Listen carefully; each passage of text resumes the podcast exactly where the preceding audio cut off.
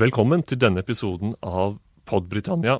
Jeg heter Øyvind Brattberg. Med meg har jeg Espen Aas, eh, nyhetsanker i NRK og forhenværende London-korrespondent. Og vi skal snakke om BBC. We shall never surrender. The pride in who we are is not a part of our past. It defines our present and our future. The people of Scotland have spoken. England, Scotland, Wales, Northern Ireland together, taking us forward, unleashing the potential of the whole country.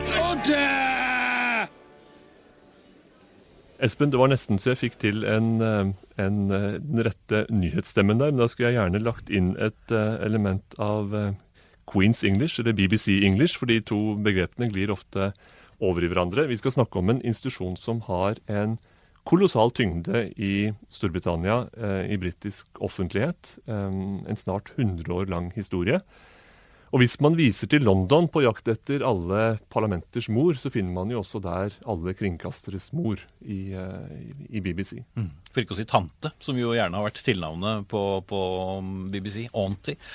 Eh, og nå er jo også BBC tilbake midt i, midt i sentrum. Eh, bare noen minutters gange fra, fra Oxford Street, hvor alle travle shopper er, så ligger jo det store eh, kringkastingshuset til, til BBC, som da, som du sier, har holdt ut i mange år. Men det har ikke vært, vært noen, noen lett kamp. Det har vært en kringkaster som har vært under angrep fra, fra mange regjeringer på, på begge sider av det politiske spekteret. Det er jo Det er interessant å, å kaste dette blikket utenfra. fordi kan, man, kan, man kan merke noen av de samme problemstillingene her på Marienlyst, hvor hvor vi sitter. Ikke minst når det gjelder å tilpasse seg teknologisk endring og også politisk skiftende, skiftende vinder. Eh, og det må jo være interessant å følge med på fra NRK også, fordi BBC på mange måter har vært referansen og, og forbildet i, i alle år. Ja, veldig mye av NRK er jo tuftet på eh, samme måte som, som BBC. En ting er nå selve finansiering, men allmennkringkastingen, det, det oppdraget eh, som vi er satt til å gjøre, det skal ikke være kommersielt, og det skal, skal være uavhengig. Men, eh, men uavhengig, er, hvem definerer hva som er eh, uavhengig? Veldig mange er i hvert fall veldig flinke til å passe på å si at eh, her, her var man ikke uavhengig. Eh, her øh, Hva med noe talerør for venstresiden eller for høyresiden? Og sånn går det jo. Og etter over 20 år i denne butikken selv, så vet jeg jo eh, mye om det. Eh, men noe annet er jo når det kan gå utover hele fundamentet til en kringkaster, og særlig i senere år, eh, som vi jo etter hvert skal komme innom også, så har jo BBC for alvor kjent hvordan det er å være under angrep av de som skal passe på at finansieringen eh, er i orden, nemlig eh, en regjering og myndighetene. Vi skal snakke litt om den politiske kampen og den uh, kulturkampen, men vi trenger litt uh, tidslinje før vi kommer dit. Litt uh, historisk bakteppe. Det starter på, det starter på 20-tallet, og allerede der er det et spørsmål om rolle i offentligheten og antatt politisk eh, påvirkning og et ønske om nøytralitet, og hvordan måler man eller beviser man den nøytraliteten, osv.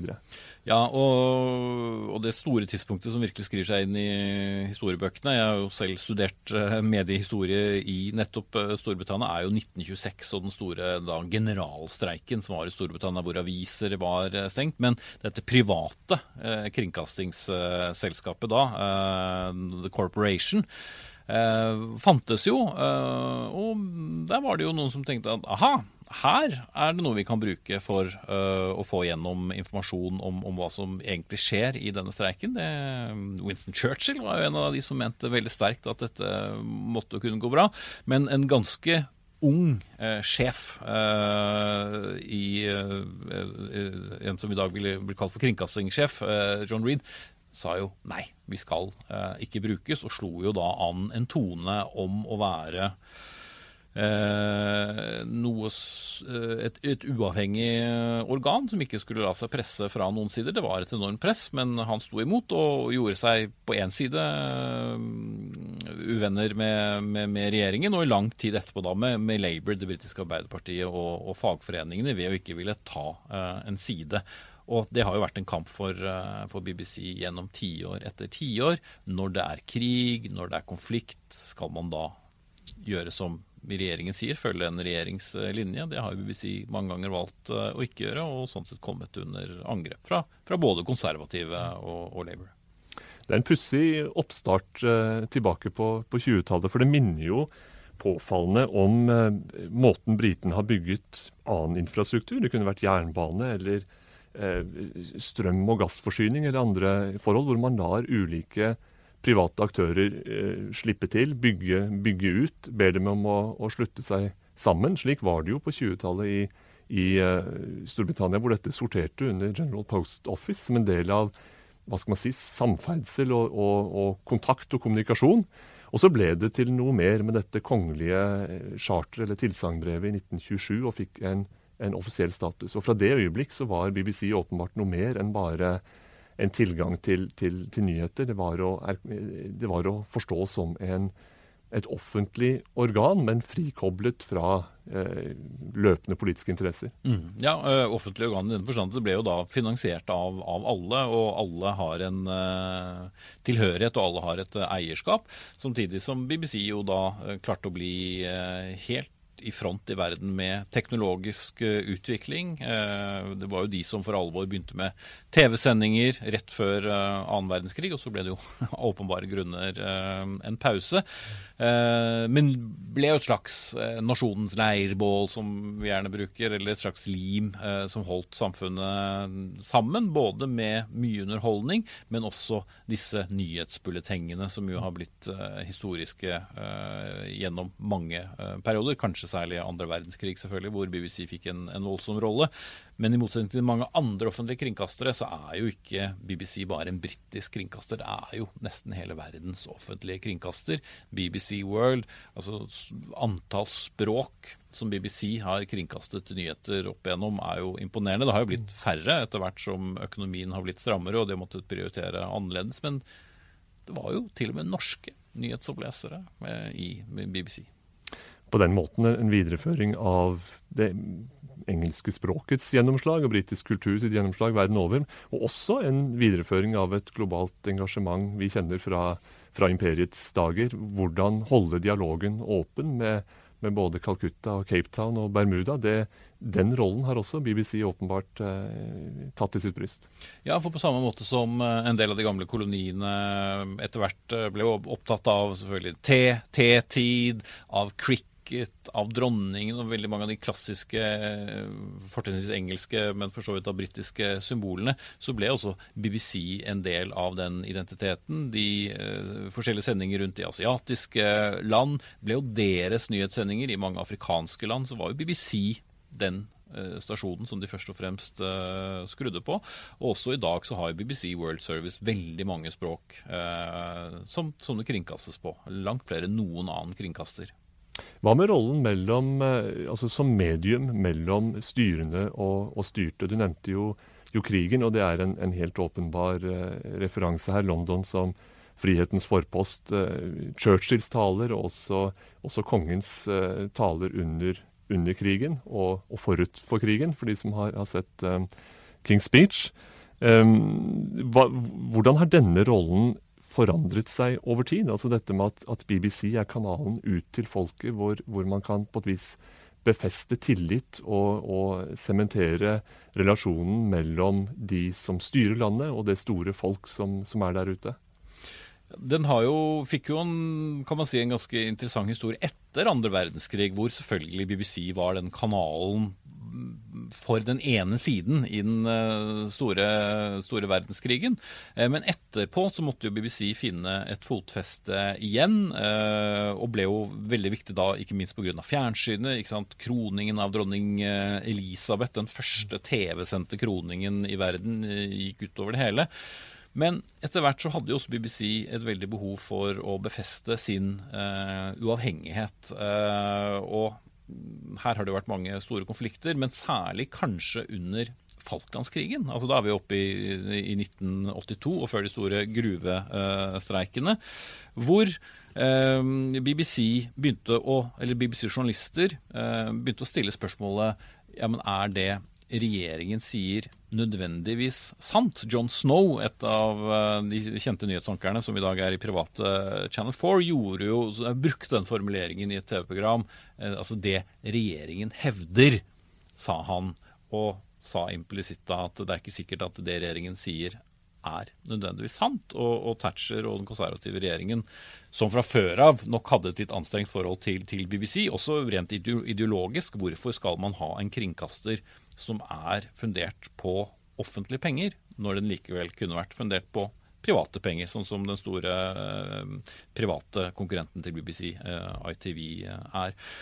Og eh, under eh, konflikten i Nord-Irland ser vi eksempler på det samme. BBC ble jo forbudt å kringkaste intervjuer med eh, folk med tilknytning til IRA. Sinn Fein, Jerry Adams eh, kunne jo ikke bli kringkastet eh, på BBC, eller noen eh, for så vidt kringkastere gjennom mange år. Man måtte ha skuespillere til å lese. Og dette var jo politiske vedtak som var gjort, som da en kringkaster måtte uh, følge. Og det er jo eksempler på dokumentarer bl.a. som har blitt stoppet pga. Uh, det samme. Så det har jo vært gnisninger hele tiden mellom skiftende regjeringer. Men eh, en del av de største som har gått inn i historien, har jo vært mellom de eh, konservative eh, regjeringene og, BBC. Et mulig svar på, på problematiske, eh, altså det problematiske syn på, på BBC som eneste formidler, er jo rett og slett eh, mediemangfold. La flere stemmer komme til jordet, la flere kanaler komme til jordet. Bre offentligheten ut på, på mange flere lytteposter, og så slipper man at man, at man er 100% avhengig av én bestemt aktørs perspektiv. Mm. Og det mediemangfoldet har jo vært der eh, lenge. Dette, vi, dette snakket vi litt om på, på forhånd. at, at det kommer jo ikke i kjølvannet av, av eh, Thatcher og høyrebølgen og bare det. Vi har jo hatt ITV som kanal nummer to helt tilbake fra, fra 50-tallet. Men like fullt så har det skjedd noe i senere år som har gjort dette bildet mer eh, fragmentert. Ja, og Det er jo en debatt vi også ser i Norge, hvor private aktører stiller spørsmålet men skal BBC holde på med alle de tingene de gjør. Eh, jeg har jo bodd i Storbritannia i sju av mine voksne år, og det er klart at når du for alvor begynner å lytte deg rundt på hva BBC gjør på radiofronten, og du ser hva BBC produserer av radioprogram, så er det jo veldig mye av det som fremstår som kommersielt. Og da stiller jo private aktører et spørsmål hvorfor skal eh, BBC ha så kommersielle programmer? Programmer som ikke inneholder noen form for uh, nyhetsformidling. Uh, programmer uh, som ikke sånn sett har den store allmenne interessen, men som er platepludring eh, gjennom hele dagen. Mange av lokale radiostasjonene til BBC er jo eh, veldig mye av det, inntil i hvert fall mellom eh, de forskjellige nyhetene. Store sangkonkurranser. Og dette handler jo om at BBC skal fra BBCs side, de vil jo være en kringkaster for alle. Hva er vitsen med å ha en allmennkringkaster som bare er så sær at et fåtall ser og, og hører på den? Eh, mens private aktører sier ja, men hvorfor skal de ta en så stor del av markedet? Ødelegger reklamemarkedet vårt, som vi kunne tatt en stor del av. Da BBC eh, for alvor tok steg inn på internett, eh, kom jo denne debatten opp igjen, på samme måte som NRK her i Norge. Private aktører sa men BBC er et TV- og radioselskap, og i all verden skal de gjøre på internett? Dette er en arena som vi som private aktører burde ha, og som vi burde tjene penger på. Mm. Det het seg jo i det opprinnelige mantraet til eh, John Reef, den første kringkastingssjefen, at, at, BBC skulle sette seg fore å informere, utdanne og underholde. Eh, har man mistet den eh, kompasskursen i, i seinere år, etter ditt syn? Det er klart det er i hvert fall veldig mye eh, som har blitt satset på ren underholdning. I tillegg så har jo BBC også brukt veldig mye penger for å hente inn Eh, stjerner til å lede veldig kommersielle eh, programmer. Altså Lønningene for enkeltpersoner i BBC er jo astronomiske sammenlignet med f.eks. Eh, da eh, NRK-lønninger. Eh, men markedet har også vært helt eh, annerledes. Men likevel så har jo ikke BBC alltid klart å få det eh, til. De har jo Radio One, som er da deres P3, eh, om du vil, eh, nyhetskanalen, jo, nei, ungdomskanalen, som har falt og falt i, i oppslutning. Man har skiftet ut forskjellige programleder. BBC1, som er da deres NRK1, hvor de dekker en hel kveld med sangkonkurranser Det er eh, National Lottery Show, som har da vært et kjempestort underholdningsprogram som egentlig bare handler om at folk skal kjøpe lottokuponger med sang, musikk. Og har det noe med allmennkringkasteroppdraget å gjøre? Lange platepludreprogrammer på riksdekkende radio, er det en del av kringkastingsoppdraget? Det er i hvert fall lett å forstå at det stilles spørsmål ved det, og også at BBC bruker så mye offentlige penger. Hvorfor skal en som har en times radioprogram hver dag på, på BBC Radio 2, eh, ha 6-7 millioner kroner i land i året? Her rører du ved noe av det mest eh, tragiske så vel som komiske ved der BBC befinner seg akkurat nå. For eh, de sliter, eh, altså som kringkaster, veldig med å tekkes et yngre publikum.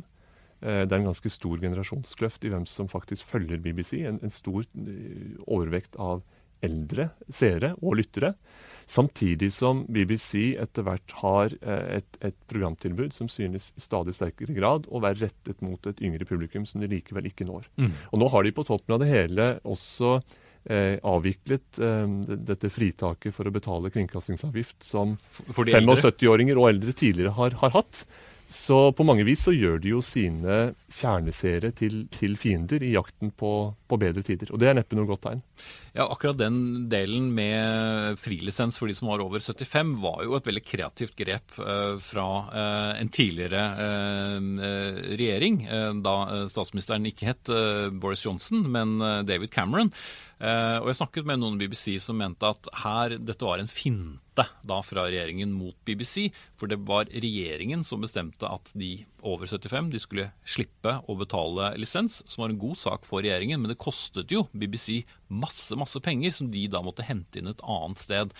Eh, og det ble da sagt at eh, regjeringen var for redd for å røre ved BBC direkte og gjøre noe med lisensen, men ved å gå denne bakveien så svekket de likevel BBC og, og, og sa samtidig pass litt på, for dere er ikke så uh, hellig.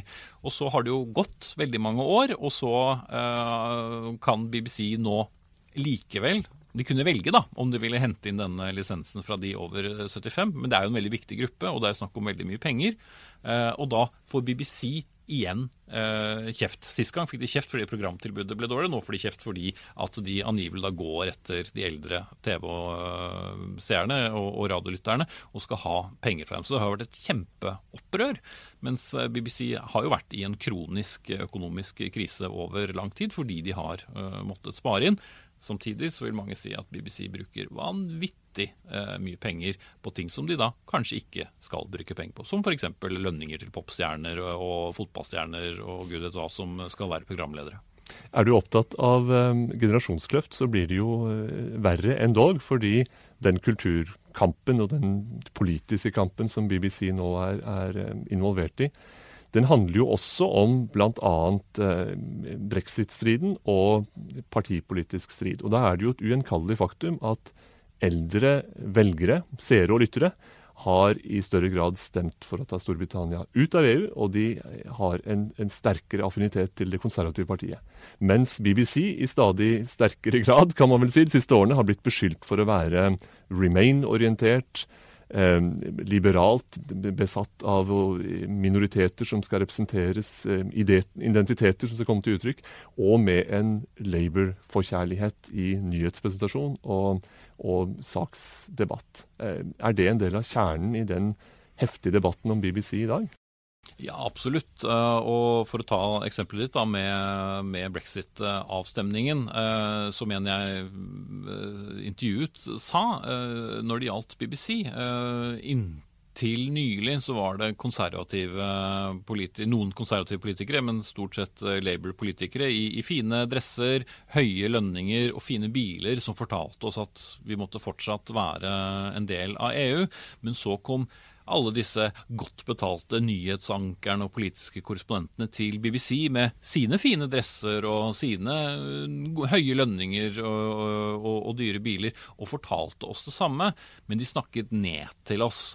Og mange kritiserte BBC for å ikke være nok ute blant folk, øh, og ikke snakke med folk og høre hva de egentlig ville. men Eh, det var i hvert fall en oppfatning eh, hos folk at BBC News satt i London, så Storbritannia fra eh, London, og analyserte brexit-kampen fra Westminster, fra Whitehall og kanskje kafeteriaen, der de satt og snakket med, med andre journalister, og dermed ikke helt fanget opp det som skjedde i folkedypet.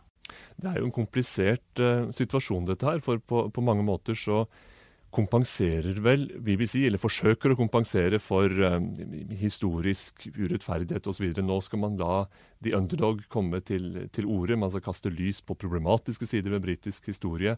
Man skal la tidligere undertrykte minoriteter få tale osv. Men så blir det gærent likevel, fordi det tilsynelatende er bestemte grupper i folket, gjerne i storbyen, gjerne med bestemt verdisyn osv., som faktisk får komme til jordet, mens den store, tause majoritet utenfor storbyen, og som eh, ofte stemte for brexit, ikke føler seg gjenkjent. eller De, de, de synes ikke at deres syn er til stede i, i BBCs programmer eller nyheter. Ja, du føler at ikke de blir tatt alvor. Det er fortsatt eh, ekspertene som, som, skal høres. Det er flere professorer som intervjues enn en, en vanlige folk. Eh, og så blir jo av mange BBC oppfattet å, å være tidvis på grensen til det komiske når det gjelder eh, politisk eh, korrekthet. Hvilke ord man skal kunne bruke eller ikke bruke. Fordelingen mellom eh, minoriteter, hvem skal eh, komme til ordet. Sammensetningen, eh, kvinner, menn. Som er viktig for BBC å gjøre, for det er så lett å angripe dem hvis de ikke gjør det. Men så blir det oppfattet at de går litt for langt. og så har de jo tatt til seg mye av den kritikken som var under dekningen av av brexit. Ja, kanskje ikke vi var godt nok ute. Og så svinger de kanskje litt for mye den andre veien. Disse formene for balansekunst opplevde du en egen variant av i kampen for Skottlands selvstendighet og folkeavstemninga i, i, 2014. Fortell. Ja, eh, da, Det var jo rett før, var kvelden før folkeavstemningen. Så, så var fotograf Johan Bull og jeg i, i Glasgow for uh, å, å, dekke denne avstemningen. Uh, og BBC var mektig upopulær i Skottland, for skottene følte at BBC hadde samme syn som regjeringen, nemlig at uh, skottene ikke skulle løsrive seg fra, fra Storbritannia. Og bl.a. daværende uh, politisk redaktør Nick Robinson, som i dag er uh, et nyhetsanker i den viktige morgensendingen på BBC Radio 4, hadde sagt ting som de ble veldig provosert av. Og da vi skulle ha en uh, direkterapport uh, midt i Glasgow sentrum, så, så kom det altså demonstranter uh, med sånne tuter, og de overdøvet så godt de kunne det vi sa. Og jeg prøvde å si ja, men hallo, vi er en norsk kringkaster, og jeg viste NRK-logoen på, på, mikrofonen. Men nei, det ville de ikke høre på. De var helt overbevist om at vi tilhørte BBC. Og i tillegg så hadde kanskje denne korrespondenten i overkant Queens English-aksent i det jeg prøvde å snakke med dem òg, som ikke gjorde det noe bedre. For jeg var i hvert fall ikke skotsk, det var det ingen uh, tvil om. Det spørs om, om eh, det problemet vil la seg, la seg, bøte på. Vi har listet opp mange uvenner og konflikter knytta til BBC eh, og den debatten som råder eh, omkring de. Nå har vi også en regjering eh, ledet av Boris Johnson som har satt seg fore å å ta opp selve lisensordningen til, til, debatt. Og før neste fornying av charteret til BBC som kringkaster, så lurer det nå spøkelser i kulissene som sier at, at eh, BBCs privilegerte tid kan være over. Det er jo store spørsmål, Trenger man BBC? Er det først og fremst blitt et kommersielt selskap? De lager TV-serier, de produserer filmer, de har eh, store samarbeid med store aktører som Netflix eh, og Hollywood og andre. Og veldig mange av de store seriene som uh, går under BBC-paraplyen, er jo ikke produsert av BBC, det er jo lisensiert av BBC. Eh, men de har jo bare kjøpt opp uh, ting som er laget av uavhengige selskaper. Og den floraen av private produksjonsselskaper i Storbritannia er jo enorm, men det har også vært villet politikk. Det er jo et tredje TV-selskap vi ikke har snakket om, som heter Channel 4 som ikke får lov å produsere eget materiale, hvor alt skal være innkjøpt. Alle serier, nyhetsprogrammer, dokumentarer. Alt skal produseres av eksterne. Skal bare kringkastes gjennom den samme kanalen. Og det har vært med på å holde eh, denne private produksjonen eh, i hevd. Så det i hvert fall en del kritikere av BBC har sagt i Storbritannia. Hvis du skreller vekk alt det som kunne vært av eh, kommersielle produksjoner fra BBC, så er det et mye, mye mindre, og ikke minst billigere BBC som gjenstår. Mens uh, BBC er jo da redde for å bli for små og enda mer uh, uviktige. Og som vi var inne på i sted, problemet med at de yngre seerne ikke er så opptatt av BBC, og at de som liker BBC aller best, er i ferd med å dø ut, vel, det fremstår nok som ganske skremmende. We shall never surrender. The pride in who we are is not a part of our past. It defines our present and our future. The people of Scotland have spoken. England, Scotland, Wales, Northern Ireland, together, taking us forward, unleashing the potential of the whole country. Order!